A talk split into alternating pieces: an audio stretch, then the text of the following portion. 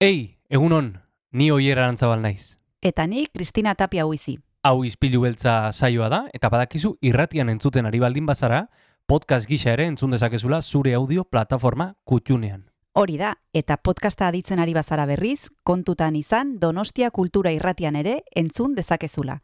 FM eundazazpi puntu lau frekuentzian. Sare sozialetan ere topatuko gaituzu noski, izpilu beltza bilatuta, Instagram, Facebook eta Twitterren. Besterik gabe, guazen gaurko saioarekin. Az gaitezen,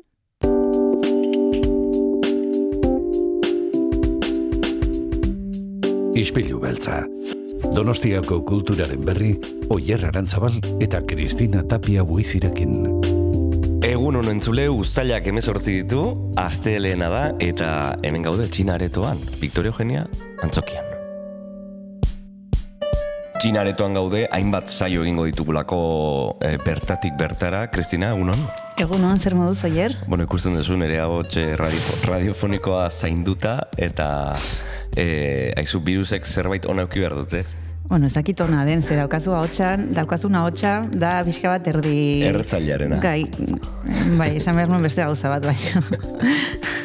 Tira, eh, esan bezala txinaretotik hainbat zaio ingo ditugu, honakoa da lehenengoa, eta eta tira, astelena denez gero, e, guazen errepaso bat ematera bai gaur e, zer izango dugun, eta akaso zaioan zer az, aurreratzen joango gara urren gugunetakoa. Hori da, badekizue aste honetan jasaldia hasiko dela, eta horregatik aste honetan saio bereziak egingo ditugu, jasaldiaren inguruan, eta zuzen ere Txina aretotik arituko gara e, zuzenean, eta gaur Mikel Iturria etorriko da, astero bezala, badekizue berak Donostia kulturako mapa eskaintzen digula txintxo-txintxo, eta jasaldia egon arren, beste gauza batzuk ere antolatu dituzte Donostia kulturan. Hori da, Mikel Iturriak egingo digu errepasoa, agendaren errepasoa, kulturperiskopioan, hemen, aurrez aurre, eta e, horrez gain, Eba Alkaiderekin itzin behar du. Bai, berak e, boskote bat antolatu du, eta jasaldian emango dute kontzertua, eta guk hemen txinaretora gonbidatu dugu, bere proiektuaren inguruan aritzeko, eta kontatuko digu nola prestatu duen, e, hain zuzen ere, jaialdian emango duen kontzertua. Bueno, e, jazaldia etorri da, jazaldia zitzegin behar dugu, jazz musikaz, eta gu ere hemen saiatuko gara e, txinaretuan bertan improvisatzen, mm, aldugun neurrian, mm, ez, dakit virtuosoak garen, baina saiatuko gara. Mm, Ze iruditzen Kristina, Jon Gartziari bide ematen badiogu. Hori da, guazen e, Jonek jarriko duen musikarekin gaurko saio astera.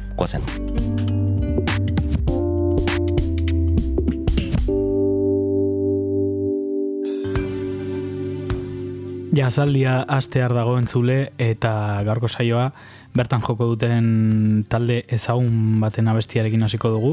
Simple Minds e, taldeak e, zurriolan joko du uztaiaren hogeian eta Alive and Kicking abestiarekin hasiko dugu gaurko saioa.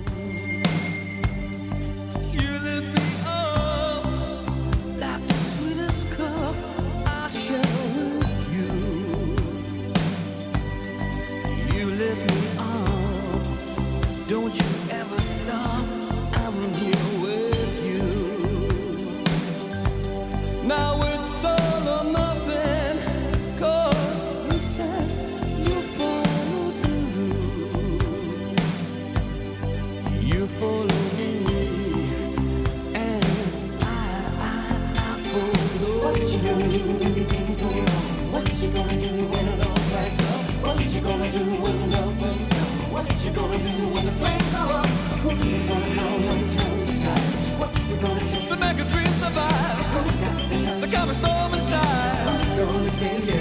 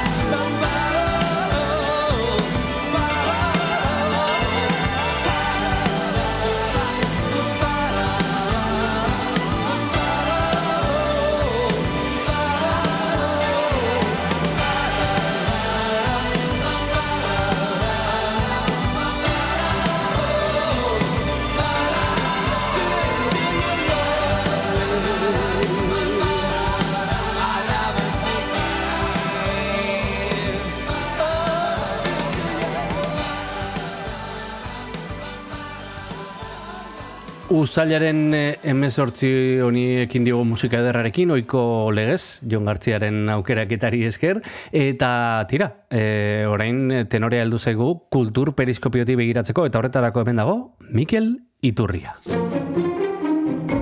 Kultur periskopioa.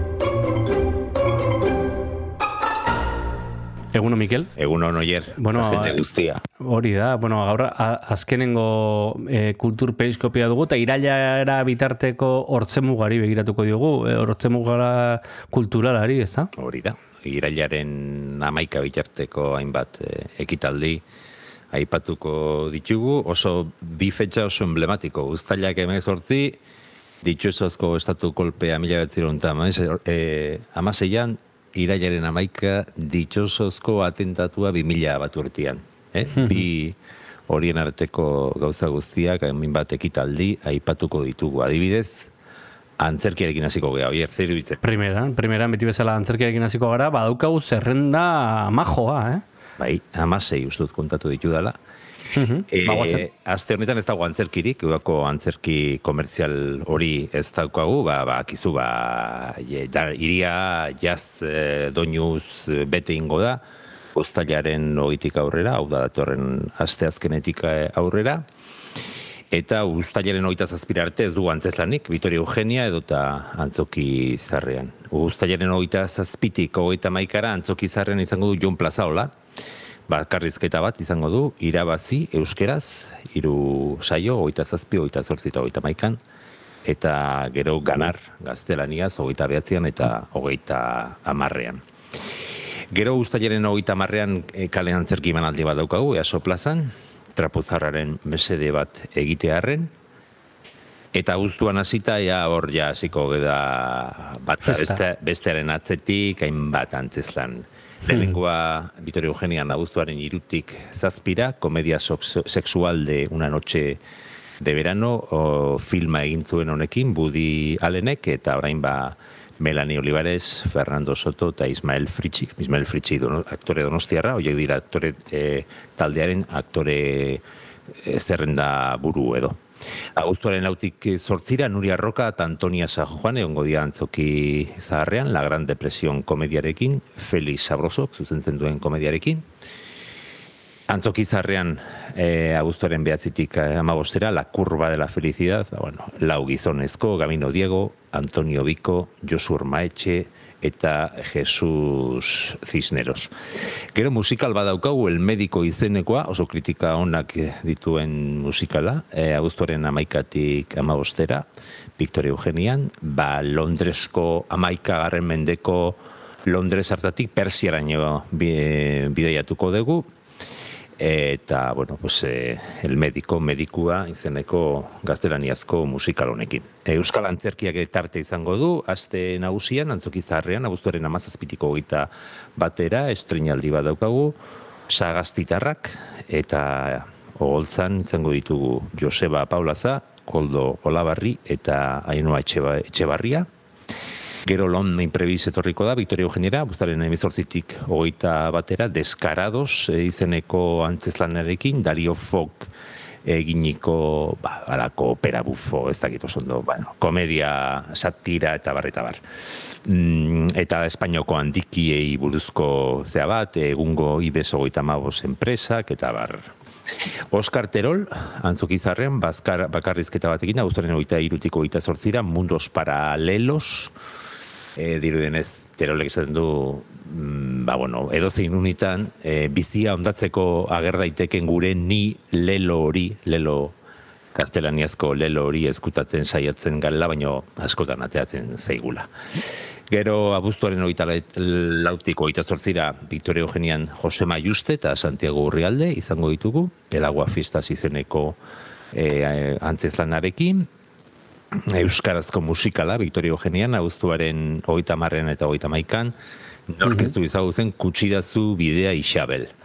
Ba, Klasiko bat. klasiko bat. Demo de produzioak eta ba, azpimarragarria da musika ikuskizun honenaren maxaria lortu zuela produzio honek 2008 batean. Eta, bueno, pues aukera dago, bi emanaldi, abuztuaren hogeita marrean eta hogeita maikan, Victoria Eugenian. Gero berriro lehen aipatu dugu hasieran Jon Plazaola, ba, irailaren batetik laura Victoria Eugenian egongo da, Euskarazko antzezlamatekin, Aitziber Garmendia, zure ezaguna den Aitziber Garmendiarekin batera, Losers galtzaileak. e, bigarren Hau, aldia da. ba, bigarren aldia, esan berri zuen, hemendik pasa dira lehenago ere. Bueno, hemen eh, nahi antzerki honekin. ditugun batzuk ere pasadia mendikan, eh? Baina hau, e, hau ere bai, e, luzez galtzaileak, eta bueno, bueno ba, antzokiz, e, antzokizarren ez, Victoria Eugenian, ba, espero dezagun jende animatzea eta eta bertaratzea. Komedia, komedia bada. E, Bai. Antzokizarrean, irain la, bitik laura Eusebio Ponzela eta Igor Jebra bikoteak, El beso de la mujer araña, Magallanes Elkano, ze esango dugu, Elkano hori buruz, ja ezin dugu, bidaiari buruz ezin dugu ezer esan, ez? Ezer gutxi gehitu dezakegu, e, ba, bueno, pues, Gipuzkoako foro aldundiak antolatu du, irailaren bostean, atzokizarrean sortzietan, Timaginas Teatroren Magallanes Elkano, la primera vuelta al mundo. E, berriro, izango dugu, aitzi bergamendia, iraien zazpitik amaikara, Euskarazko erlauntzarekin antzukizarrean zazpian, eta zortzitik amaikara, el enjambre, baiben produzionesen ekoizpena, bueno, aitzi bergarmendia, Sara Kozar, Ketari Txegarai, Leire Ruiz, Naiar Arnedo eta Bito Rogado, soto hiek osatzen dutela aktore zerrenda, egilea Kepa Errastida eta Mireia Gabilondok e, zuzendu du. Azpimarratzekoa, antzerki gintza berriak e, jaso zuela honek, naiz goratzen, 2008 batean edo 2008an, hau da Victoria Eugeniak, Gasteizko Printzipal Antzokiak eta Arrega Antzokiak, ba, daukaten programa baten, ba, hor, e, hor sortu zen, o programa horri esker ere sortu zen antzezlana. Eta emanaldi, emanaldi hauek guztiak aipatu ondoren, arnaz pixat hartuko dugu, oier. Dudari gabe, arnaza beti da on- ongietorria, eta musika ere bai. Ba, guazen jartzea Camp taldearen Lavender Girl kantua, eta guazen aurrera. Guazen aurrera.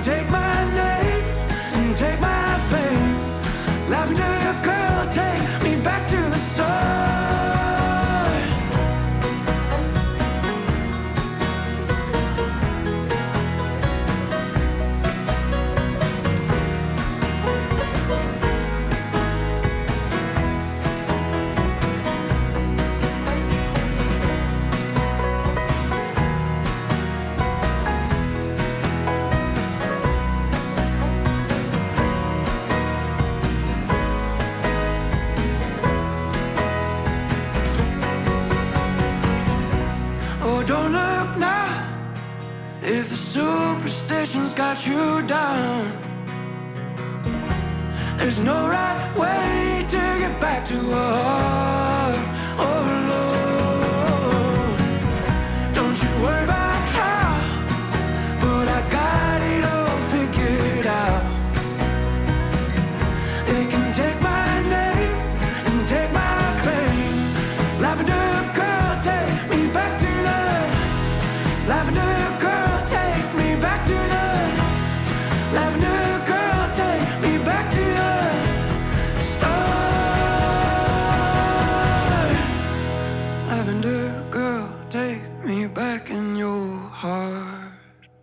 taldearen Lavender Girl abestia entzun dugu, eh, agenda errepasatzen dugulako, baina tartean Mikelek, eh, bueno, Mikel, zuk aukeratzen dizkiguzulako entzuten ditugun abestiak eta eh, aire freskoa bezala sartzen dira zalantzari gabe.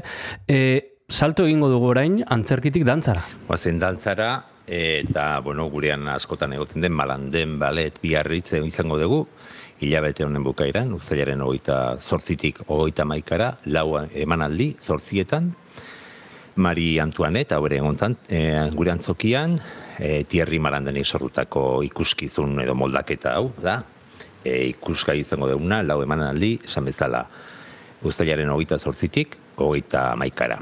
Gero, Kukai eta maite larburu, ba, udan ibili dira hainbat bisita giratu egiten, txillida eta oteiza dantzan izeneko ikuskizun, ikuskizun ez detxango, baina, bueno, e, bisita, e, bisita giratu berezi hauekin, eta hilaren hogeita behatzean, bi aukera ditugu zortzi terrietan eta behatzi terrietan. Irailera joango gea, ze antzerkiak kalean daukagu eta horre ere batzutan dantza emanaldiak izaten dira, eta irailaren zazpian egiako Nestor Basterretxea plazan izango dugu La Sala, Alive ikuskizunarekin, zortzian out, Amaia Elizaranena, e, entre nosotros, Marrok konpainiarena, eta erredemate moduan, hilaren behatzean, Brothers, Brothers eta Sliders izeneko ikuskizuna. Eta hause dantzan aipatzeko nuena oier. Mhm.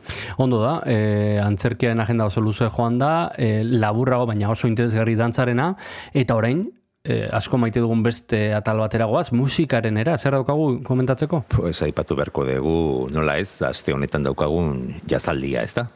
Bai, bai, bai, e, gainera saio bereziak e, egingo ditu e, Vitorio Eugeniako txinaretotik, beraz, e, guazen, guazen errepaso bat ematera.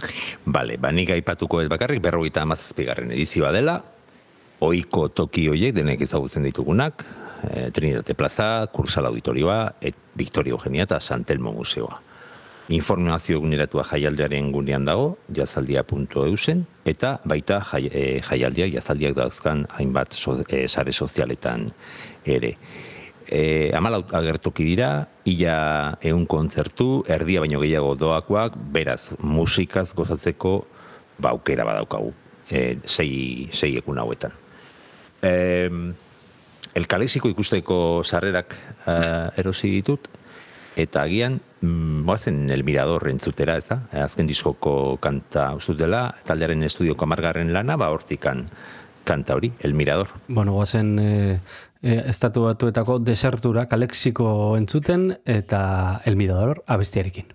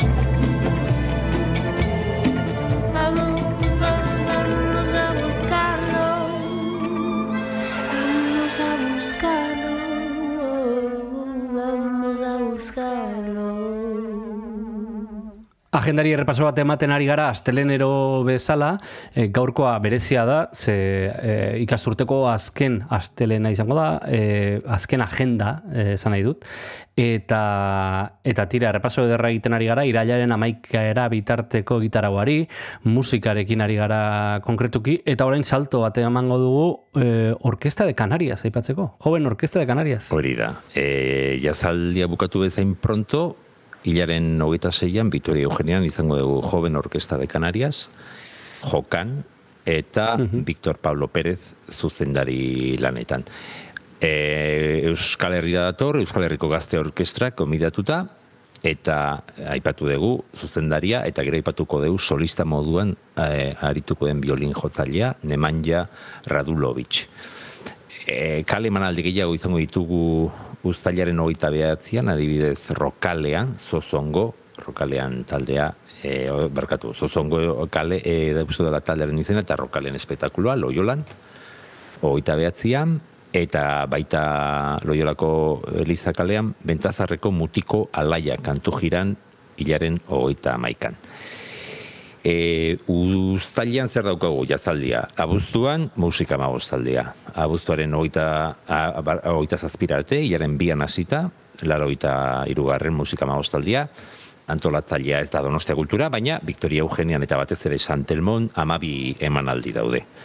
Horietaz gain, Santelmo gaua ospatuko da, guztoren hogeita zazpian, e, iluntzeko zortzi terditatik aurrera, baki buruzko Santelmo gaua izango da, e, gau horretan ba, erakusketa nagusia Santelmoko teiza eta txilida erakusketa, klaustroa, eta eliza zabalik egongo dira, eta oteitza eta txilira erakusteketa, ba beste modu batez ikusteko aukera. E, Santelmo gaua ospatu zen larun batean, hilaren amaseian, eta Inez egon musika jartzen. Hori batzen egin? Abitu ez, ez, daizu.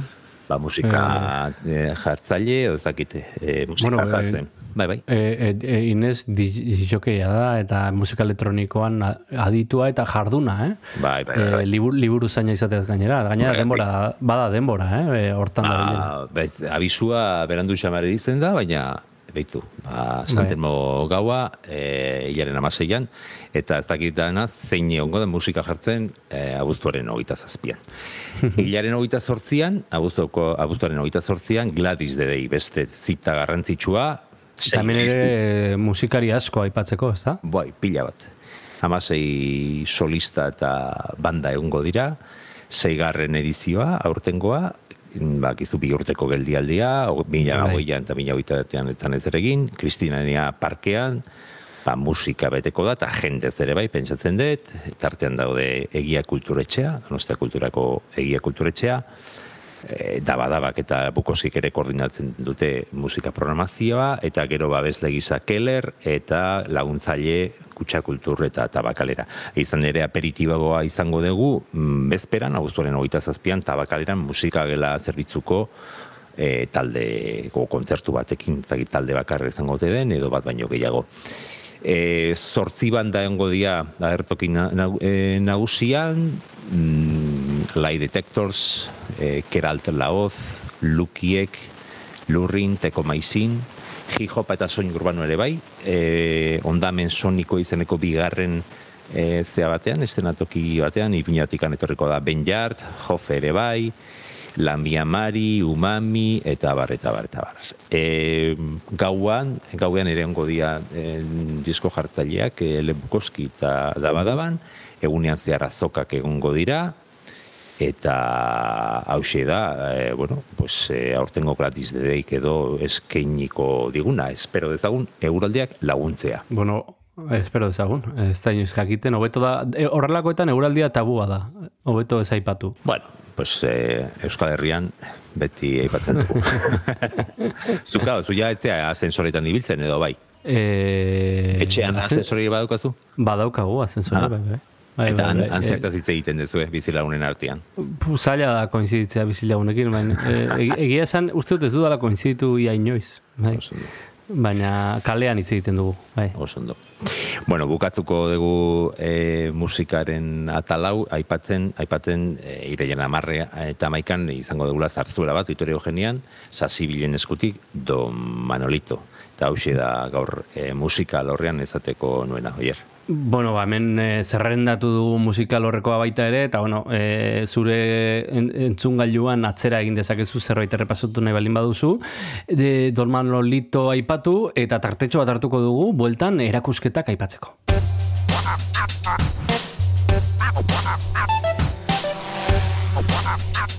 Donostia Kultura Irratia.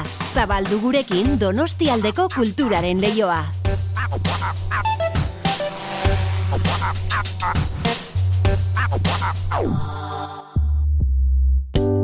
Gogoratu, izpilu beltza entzuten ari zarela, Donostia Kultura irratian, baina nahieran ere topatu dezakezula podcast gisa gure saioa. Edozein audio plataformatan arpidetu eta oieraran zabal eta biok asko eskertuko dizugu. Orain jarrai dezala saioak. Kultur periskopioan astelenero errepasatzen dugu agenda, Mikel Iturriaren laguntzarekin, zabaltzen dugu mapa mai gainean eta bueno, saiatzen gara e, norberak, e, ba, bueno, bere aukerak eta egiten, ez? Aipatzen ditugu egitarauko e, kontu eta komeri guztiak, e, oso ondo zailkatuta eta musika ederrarekin banatuta. Orain erakusketetara goaz, Mikel, e, hemen ere badaukagolako zer aipatu. Bai, aipatu ditugu udan zehar, aipatu ditugu hainbat erakusketa, baina gainetik bada ere, ba, esan dezagun, Santelmon, urriaren bira arte daukagula Oteiza eta Txillidaren erakusketa. E, Uztailaren amabostean inauguratu zen Santelmo Museoko laborategian eta urriaren hogeita marra arte izango dugu hiru bider lau orain izeneko erakusketa, zinma musika eta literatura argazki liburuan, Jon Kazenabe da komisarioa, Okendo kulturretxean ere abuztuaren hogei arte daukagu JC mental bildumagilaren laua izetara, hogeita bost urte da, e, daramatzak gizon honek, ba, Euskal Arte Garaikidearen eh, hainbat eh, pieza eh, bi, eh, bueno, bildumatzen edo, eta bueno, pues, ere lehenengo aldiz erakutsi erakusten ari da eh, jendaurrean, abuztuaren hogei arte, okendo kulturretxean. Ernest Luken, abuztuaren hogeita zazpira arte, aurrekoan Kristina Tapiauizi lankideak Iñaki Mendoza, mm, Real Sociedadeko teknikaria, elkarrizketatu zuen, museoko arduraduna izan zen, Iñaki Mendoza bere garaian gaur museo itxita dago, ez dakit beste zer egin batzuetan egongo da, baina bueno, historia kontuak eta futbolaren historia kontuak eta oso dakizki. Eta arrepe daukat, eh, real ardatz hartuta, ba, futbol kromoaren historia aztertzen du erakusketa honek, Ernest Luken dagoenak aieten keixetaren lanak ikusgai, batzuetan pizti, besteetan eder, hau irailaren hogeita bostera arte, izango dugu, hogeita bederatzi kuadro eta hiru eskultura, gero baukagu ere ilustratzaren txokoaren armairu, armairu izenekoan ba maite rosenderen lanak daude, eta hausi erakusketen atalak daukana, igual musika gehiago jarriko dugu. Guazen musika gehiagorekin, zer eh, jarriko dugu? La maravillosa orkesta de alkohol entzuten denean, pi egingo du Jon Garziak, ez jendeak ez entzuteko. Modaren eh, mañana boia Burgos kantua, eh, nuevo cancionero burgoles izeneko diskoa, gorkor bizuk eh, berritxarrakeko taldeko abeslariak edo liderrak ekoitzitakoa, eta hortikan, esan bezala, mañana boi a Burgos. Entzun dezagun.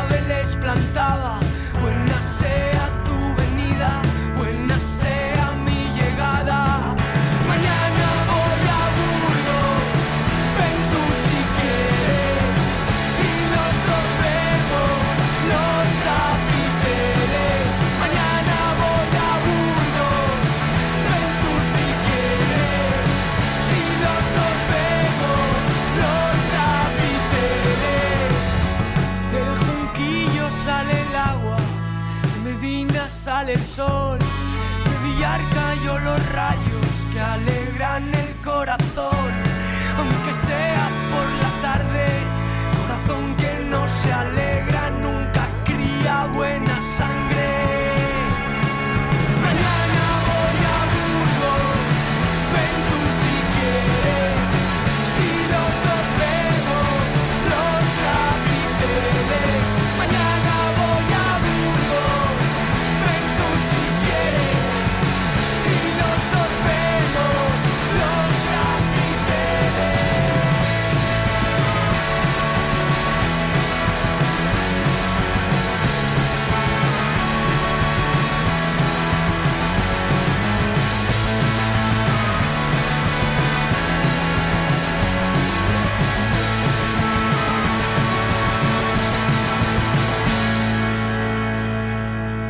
La modaren mañana boi aburgoz eh, abestia entzun dugu eta pixkanaka bagoaz azken txampara gerturatzen jaiekin, ez? Eta, eta azkenik eh, aurrak dituzten familientzako planekin. Hori da.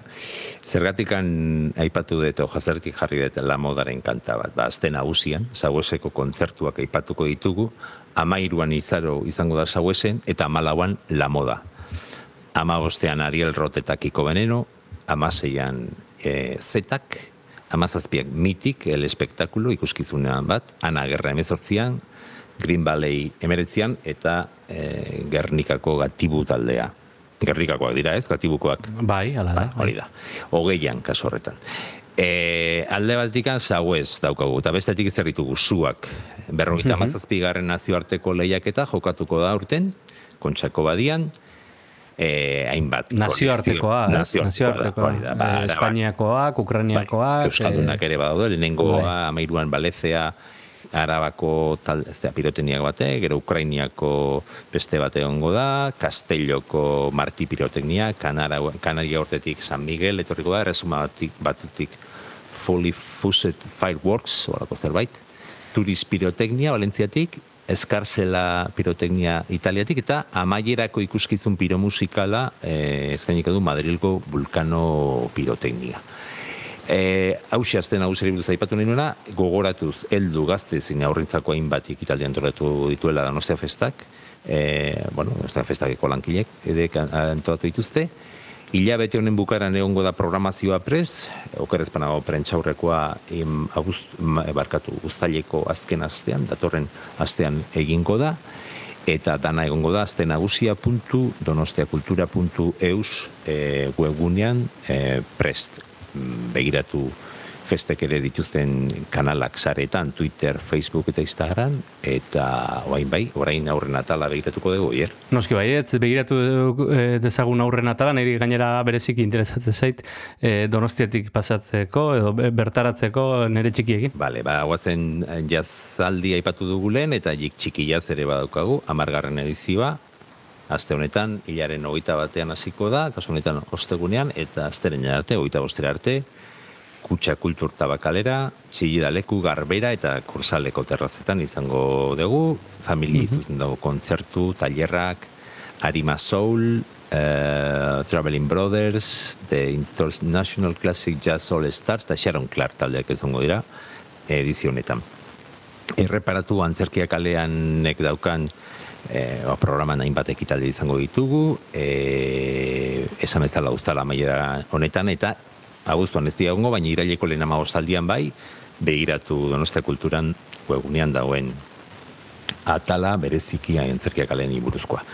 E, urgul, ba, debusen hogeita meretzi linea martxan dagoela, irugunu ditugu, liburutegia, damen baterian, natur txokea, txokoa, arkatu, gobernadorearen baterian, e, eta azkenik Santelmo Museoak maniatzen duen mota gazteluko historiaren etxea. Aztelenetik ostiralera seietan beti dago aurrentzako jarduera bat, astelen eta ostegunetan liburutegian, aste arte eta aste azkenetan naturtxokoan, eta ostiraletan berriz historiaren etxean.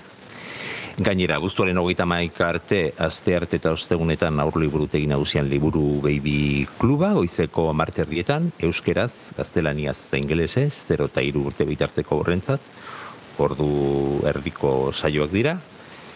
E, aiete kulturretxean baditugu ere aurrentzako filma, donostiakultura.eus barra aieten begiratu, eta hortxe daude, da- dago ba, programazioa ez ditut aipatuko ba, pelikula asko direlako.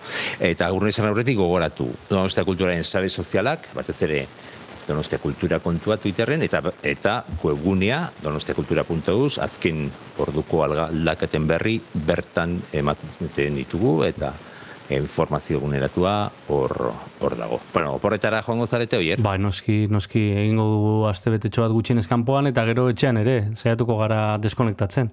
Bai, Eh, noski zeu ere bai? Ez, bi hilabete ditut aurretik, oporrak Bueno. hartu aurretik, baina Animo. bueno, zuek etortzerakoan, e, irailaren aldean, bai, bai, bai.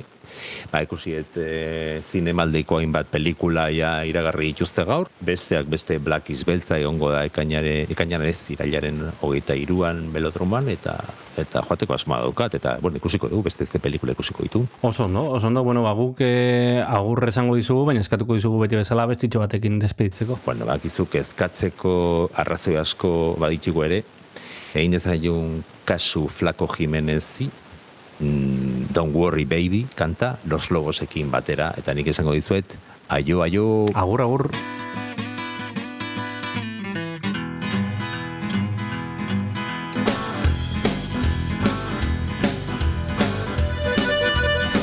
Standing there by the window, staring out at the night. You got so many troubles on your nervous mind. Don't worry, baby, it's gonna work out fine. Hear the sound of footsteps stealing across the floor. He picked up the receiver, he didn't know what for. Then you saw a shadow stepping through the door.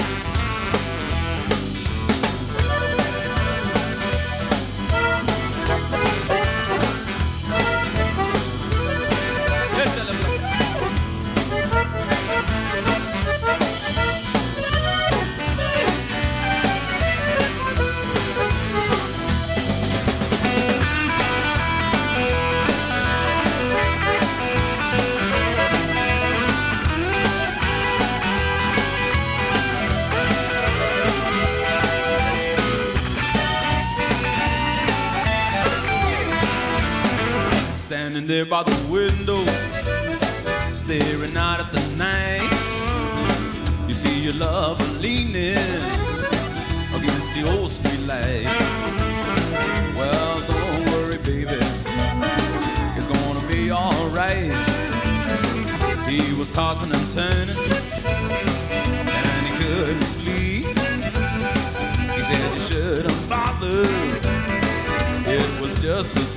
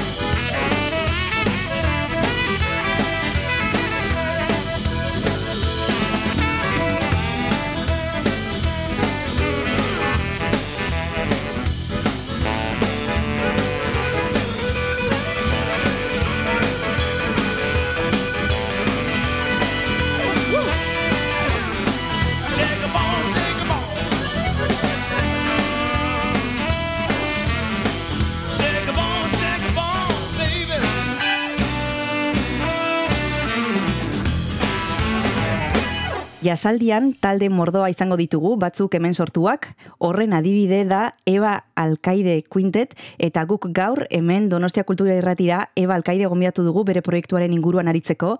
Egunon Eva, ¿qué tal estás? Egunon, muy bien, ¿y tú? Bien, también con ganas de hablar con vosotros un proyecto, podríamos decir que nuevo y que va a tener la oportunidad de, de presentarse en el Jazz al Día. Lo primero de todo, Eva, nos gustaría saber cómo recibiste la llamada en la que te comunicaron que actuarías en el Festival de Jazz. Bueno, pues estuvimos, eh, fuimos seleccionados para, para la preselección. Y nada, hicimos el concierto un poquito de estreno porque es un quinteto muy, muy nuevo y, y nada, lo pasamos muy bien la verdad ese día y tuvimos la suerte de luego recibir un mail de, de que bueno, que estábamos dentro. No sé cómo ilusión, la verdad. ¿Y qué significa este concierto para ti y para todo el grupo? Un festival con esta solera por el que han pasado pues los mejores artistas y más reconocidos artistas y que vosotros también vais a formar parte de él. ¿Cómo lo habéis enfocado? ¿Qué significa para vosotros? Pues es un placer enorme estrenarse en un festival como este. Ya te digo, es un proyecto nuevo y, y que te den esta oportunidad así de entrada, pues es genial y me hace mucha ilusión. Y no sé si vosotros tenéis, eh, bueno, vosotros o tú misma, eh, recuerdos de, del Jazz al Día, de si alguna vez habéis eh, venido a algún concierto cuando erais más, más jóvenes o, o de niños incluso. No sé si tenéis alguna memoria de cuál es vuestro primer contacto con el Jazz al Día. El primero no lo recuerdo exactamente, seguro que alguna vez de pequeña fui, pero recuerdo con mucho cariño un concierto en la playa de Zurriola de Snarky Papi hace unos años y fue una de las experiencias así más chulas que tuve en el festival. Hablando de artistas que han pasado por el Festival de Jazz, aquí nos solemos tomar un descanso para compartir con los oyentes música y yo te voy a pedir que nos propongas un tema para compartir con ellos. No sé qué se te ocurre, qué te apetece, qué te gusta. Pues mira, hay un tema de Cannonball Adderley que se llama Stars on Alabama Ujú. Y es un tema que siempre me pone de muy buen humor, entonces pues me gustaría compartirlo. Perfecto, pues vamos a escucharlo.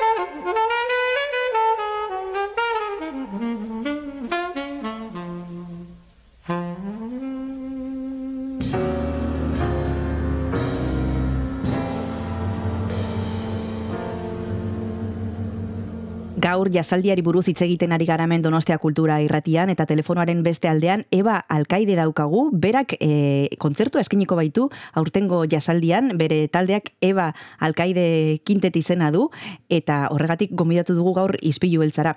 Vamos a hablar de tu concierto también, Eva.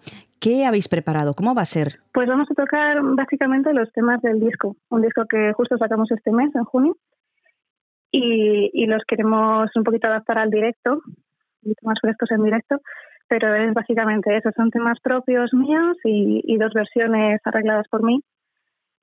De, son temas que he ido componiendo en los últimos años y bueno, el proyecto nació un poco de, de mi trabajo final de máster, en el que me propusieron ideas como pues mm, escribir un libro o grabar un disco, entonces aproveché la oportunidad para inmortalizar esos temas que, que llevaba componiendo todos esos años y ese es el resultado. Sí, hablas de tu primer trabajo que se titula Dive into the Sea y mm, ¿qué tipo de qué tipo de música podemos encontrar en este primer álbum? Pues es un disco de jazz moderno, pero que bebe de muchas fuentes. A mí me gustan mucho otros estilos de música, pues más cercanos al folk, al rock, y, y quería que tuviera esa influencia un poco. Entonces, en mis composiciones siempre hago mucho énfasis en la melodía, en las improvisaciones también, pero siempre me importa mucho que sea muy melódico.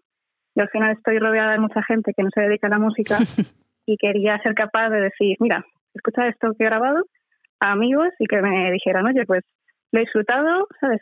Que no hubiera que hacer demasiado esfuerzo por entenderlo, que fuera algo muy melódico y muy escuchable. Mm.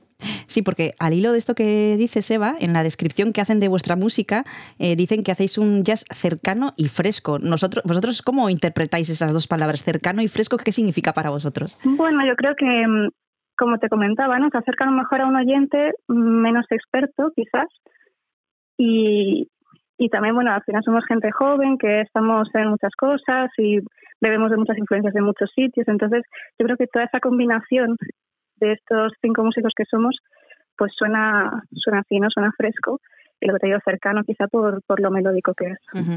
Mencionas las influencias, decís que tenéis muchas influencias. ¿Cuáles son algunas de ellas, por ejemplo? ¿Qué, qué os, qué os suele gustar escuchar? ¿En qué os fijáis? ¿En qué tipo de música? ¿En qué tipo de artista? Pues, a ver, todos escuchamos mucho jazz, obviamente, pero luego, pues por ejemplo, el batería Hitor Bravo y el bajista Carlos Montul son muy fans de grupos como Red Hot Chili Peppers, que es- son muy llevados por, por el groove, ¿no?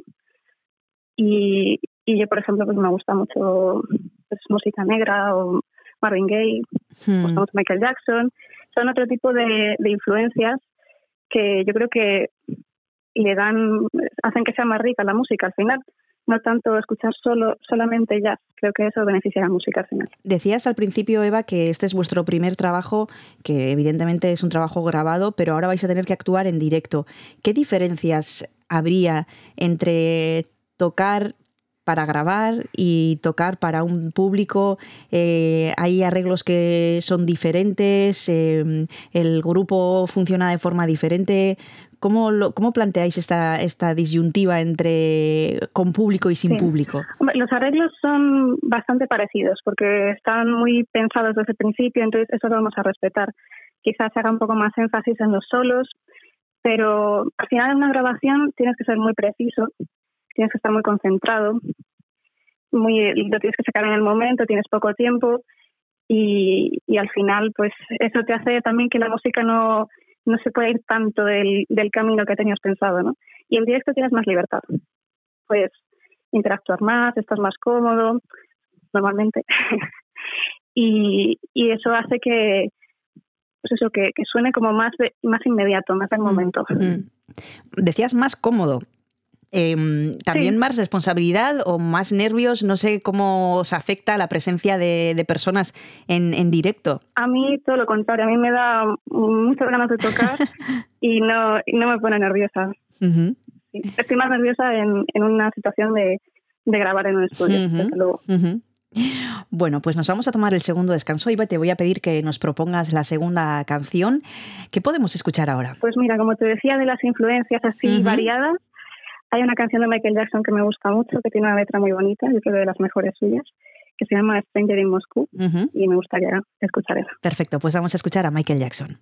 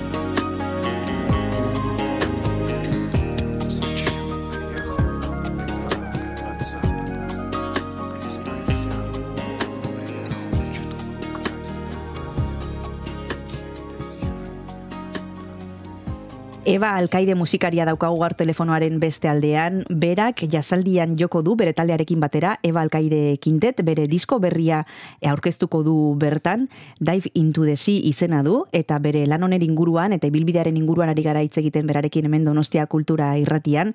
El quintento, además de ti, de Eba Alkaide, lo formáis también Irati Bilbao, Andrés Navascuez y Carlos Montul y Aitor Bravo, que si no tengo mal entendido, os conocisteis en Musiquene.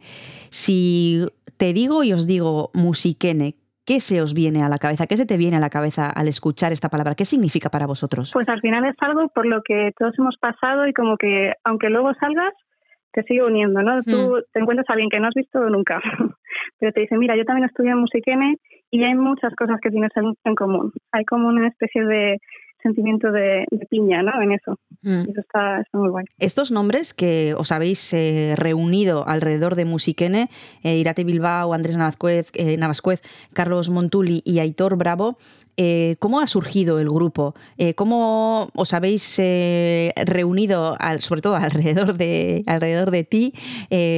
¿A los has ido seleccionando? ¿Erais amigos de antes? Sí, éramos amigos de Musiquene y salió un poco por el proyecto que tiene Irati Bilbao, también de Quinteto. Y está, en ese proyecto está Jorge Fernández al piano en vez de Andrés, Mm. que es el que también grabó originalmente en mi disco, pero como está estudiando fuera no podía estar. Y, y eso salió un poco, somos los cinco músicos, somos los cinco mismos músicos de ese proyecto. Nos entendimos muy bien, nos llevamos muy bien. Y cuando pensé, quiero grabar estos temas para el proyecto final de máster, digo, ¿con qué voy a grabar? Pues estaba clarísimo con ellos. Aquí hemos hablado con muchísimos artistas y cuando son forman parte de un grupo siempre nos dicen que es, para ellos es imprescindible tener una buena amistad y una buena química con los compañeros de grupo que si, si fueran simplemente ejecutores o intérpretes de una partitura no saldría igual y el resultado no sería el mismo. ¿Te parece a ti también que esto es así? Que si simplemente contratas a los mejores ejecutores el resultado no sería igual? Totalmente. Es algo igual que no se puede medir, pero se nota, o sea, se siente tú cuando escuchas algo que, que sabes que hay una cierta complicidad entre los músicos, vamos, yo por lo menos lo noto. Y sobre todo para trabajar lo hace todo mucho más fácil. Al final, este disco lo tuvimos que ensayar y grabar en el espacio de una semana. Tuvimos dos días para ensayar, día y medio para grabar y ya está. Entonces, claro, si no hay, si no te entiendes bien, si no hay una buena relación, si no te lo pasas bien en los ensayos, al final realmente no se es tan eficiente. Y creo que estas personas justamente eso lo tienen, lo tienen muy claro. Y se agradece mucho trabajar con gente así. Ya tenéis vuestro primer trabajo que acabáis de sacar en junio. Eh, diríamos que sois eh, novatos en esto de la música. Habéis salido recién de Musiquene, tenéis toda la vida por delante, toda la vida profesional por delante. ¿Cómo intuís que va a ser vuestra carrera, la tuya, Eva? ¿Cómo intuyes que va a ser? Pues bueno, somos gente joven, pero también si te pones a mirar el currículum de cada uno, vamos, eh, esta gente ha hecho un montón de cosas. Y bueno, el panorama no es lo más eh, favorable que ha sido, ¿no? Después de la pandemia y todo, pero yo creo que el jazz en España, al final, cada vez hay más más pequeños festivales, mm, como que hay un, un interés creciente, ¿no? Entonces yo espero que, que sea que siga así y a ver si pues podemos ir mm, desarrollando nuestras carreras en ese ámbito. Como dices, sois jóvenes, pero vuestros currículums son muy largos, ya lo has dicho tú, y tenéis una trayectoria que está repleta de hitos. Hasta ahora, ¿qué ha sido lo más difícil, lo que más os ha costado de llegar a- hasta este punto del camino? Personalmente a mí o Hmm, A ti personalmente, sí. a mí personalmente, igual pasar de del mundo académico de Musiquene a luego pues lanzarte al mundo real y, y ver pues qué cosas de las que has aprendido son muy útiles, qué cosas pues igual no tanto, ¿no? Y adaptarte a pues al mundo que ves, ¿no? El panorama cómo está, adaptarte a él. Bueno, pues recomendamos a los oyentes que quieran que se acerquen en el Yasaldia a ver al quinteto de Eva Alcaide. Muchas gracias, Eva Alcaide, por, haber- por haberte acercado a Donostia Cultura y Ratilla. Te veremos en el escenario que que te Muchas toque en el Jazz al Día y también tendremos noticias tuyas más adelante, por supuesto, con más discos y más proyectos que tengas. De momento, Dive into the Sea es el trabajo que podemos escuchar desde junio. Un abrazo muy grande y hasta la próxima. Muchas gracias. Hasta luego.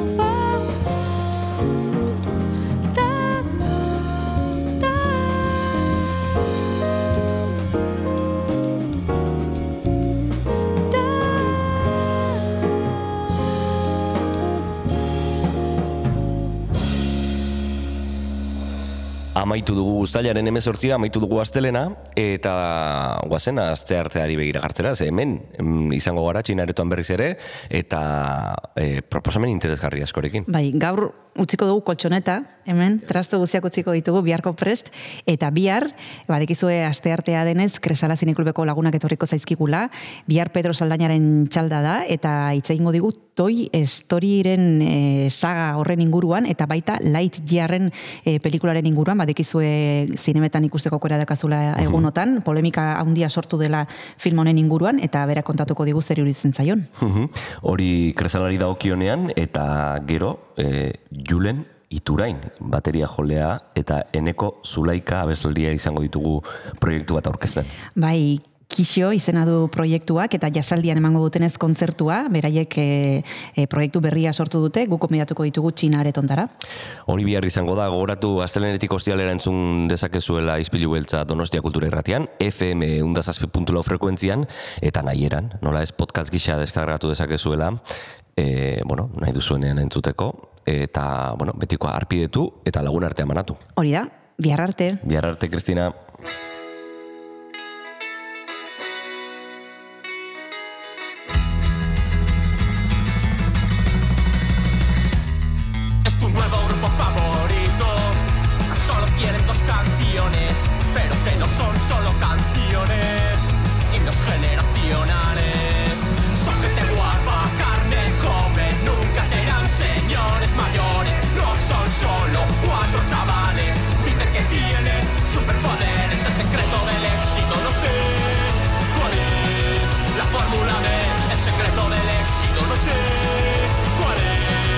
Fórmula de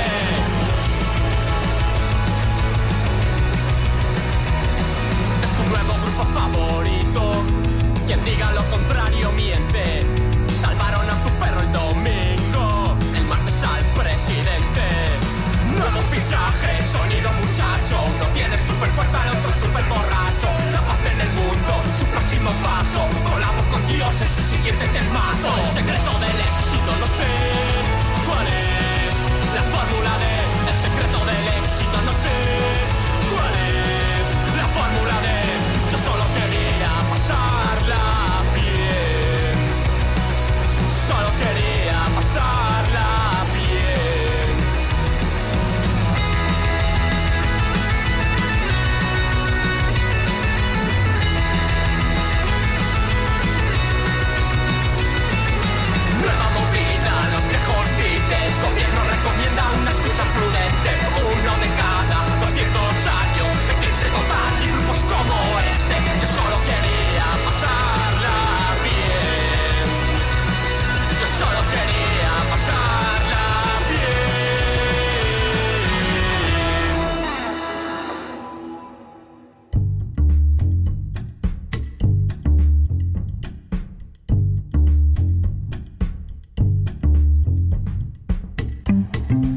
Kanta katilua.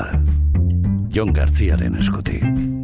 Kaixo entzule, ongietorri garko kantakatilura, ispilu beltzari musikaz amaira emango diogu, eta aprobetxatuko dugu, laizter, e, aste honetan jazaldiak e, hasiera emango diola aurtengo edizioari, e, edizio berezia, izan ere ba, pandemia eta gero egin izan dira jazaldiak, baina aurten e, ba, normaltasunez e, egin ahal izango da, eta gaurkoan bertan e, ikusi ahal izango dugun musikari baten azken lana ezagutuko dugu, mulatu astatke etiopiarra e, zurriolan arituko da uztailaren hogeita batean, eta gaur entzungo dugu To Know Without Knowing diskoa, eta alaxe hasten da mulatu kantuarekin.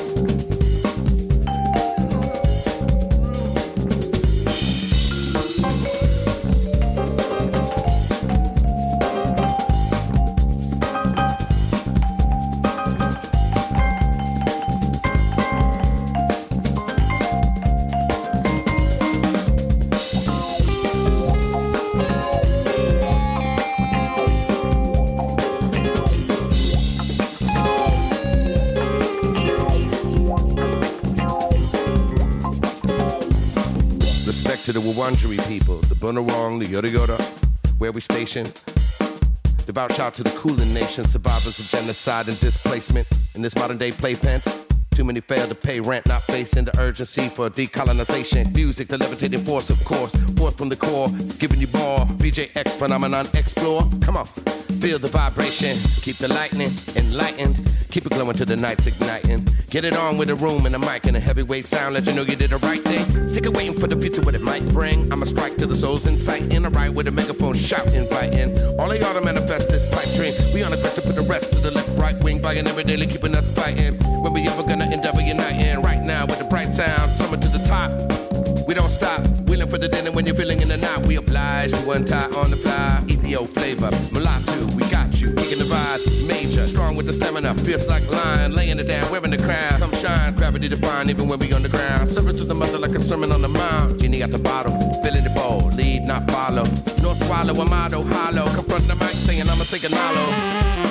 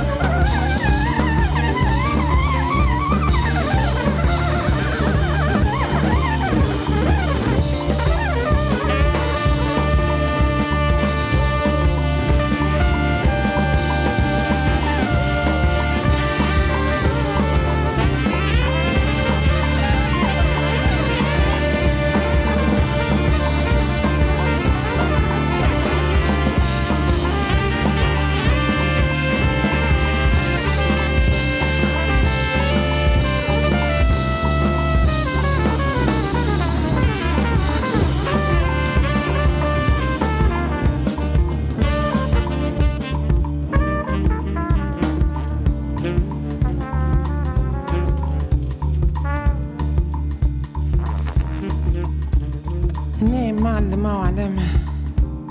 የፍቅር ነው እንጂ የጥላቻ አይደለም። ያልተረገመ ሕይወት ፍቅር የሞላው በደስታ ይኖራል፣ ነፃነት የለው።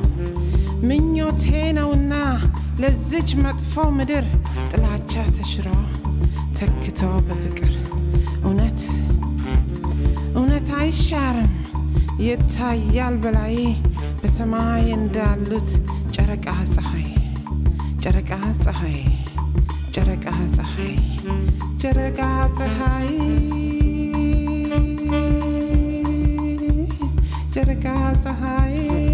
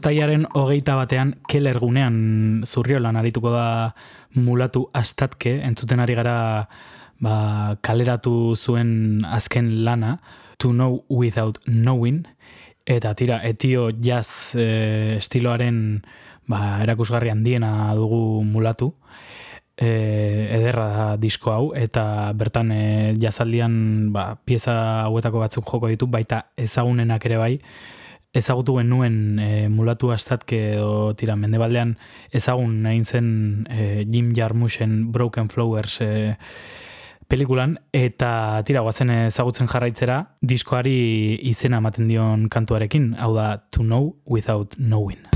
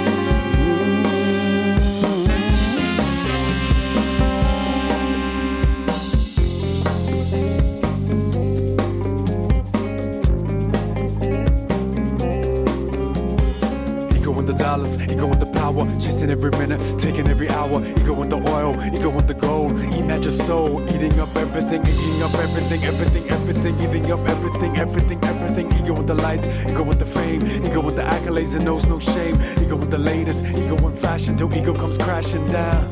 Ego no patience, ego is blatant, ego is shameless and proud.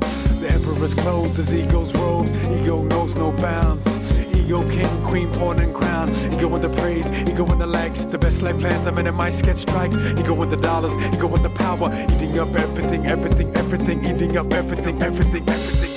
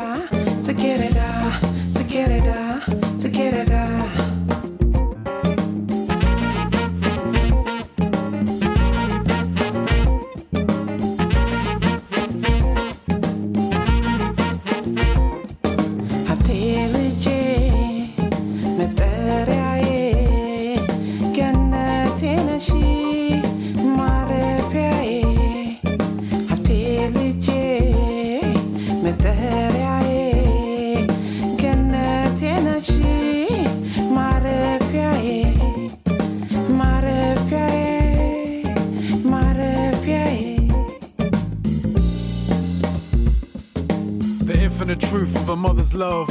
Infant whispers, roots and seeds, leaves and fruits, tree of life. I have not known sacrifice like my mother's.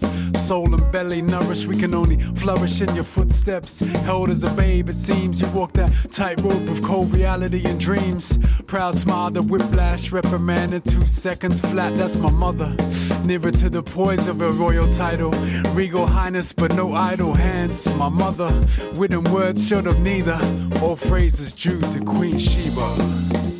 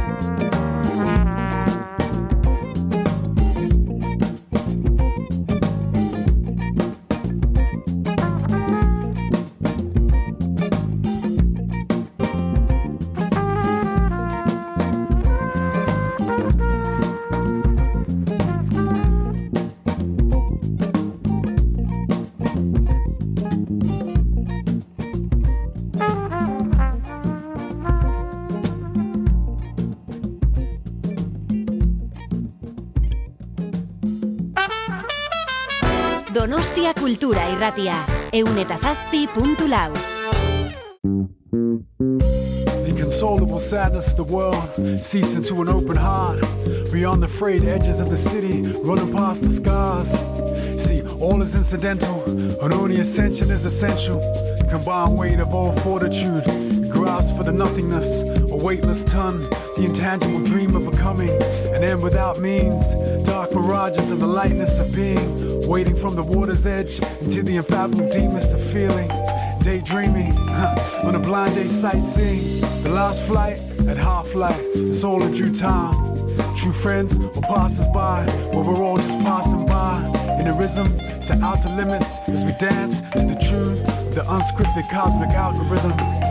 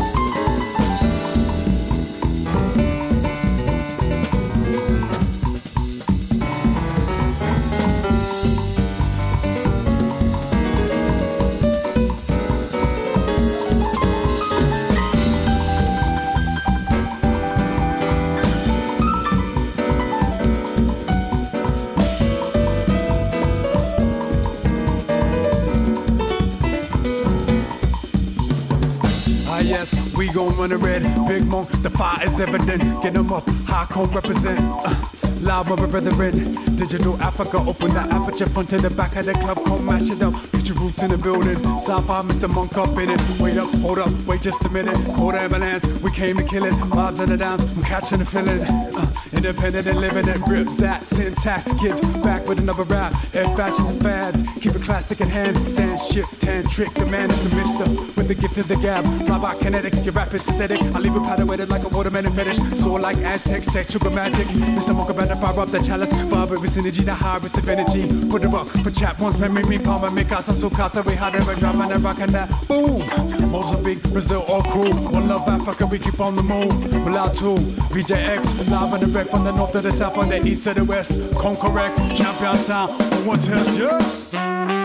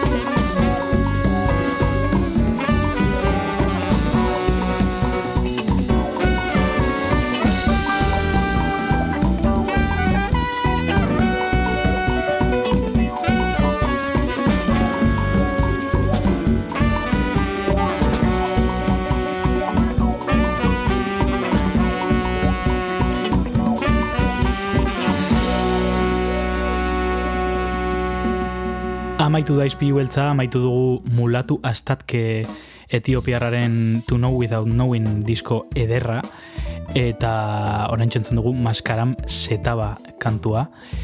Esan bezala, uztaiaren hogeita batean e, ikusteko aukera izango zue jazaldian, arratsaldeko zortziterdiak inguruan, keller gunean, horre ondartzan bertan, e, aukera paregabea da, mulatu ikusteko, eta tira, azkena bestiarekin utziko zaituztegu, bihar arte, hau da, A Chance to Give.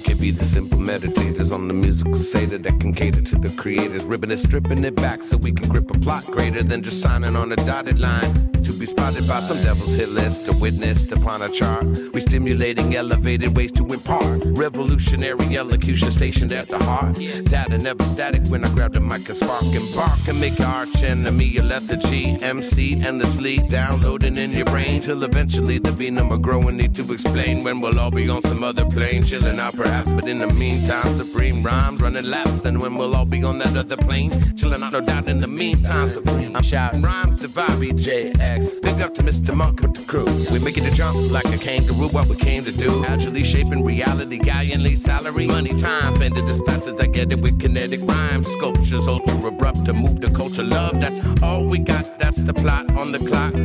Making up for moments too many that I forgot to give credit. Forget it, better endeavor to live now. You know the style is right with life like the Nile River, ancient, mystical, and futuristic like a child. Before they get twisted and enlisted within denial, systematically more modified than food up in our eye. With control by this remote, is switching up the TV dial. With the roots intact, jazz master, boom, bap, dance. The future on live now, get in tune with this. Witness the higher purpose sound. We're gonna circuit tonight. We keep it tight just so you can break loose and take flight.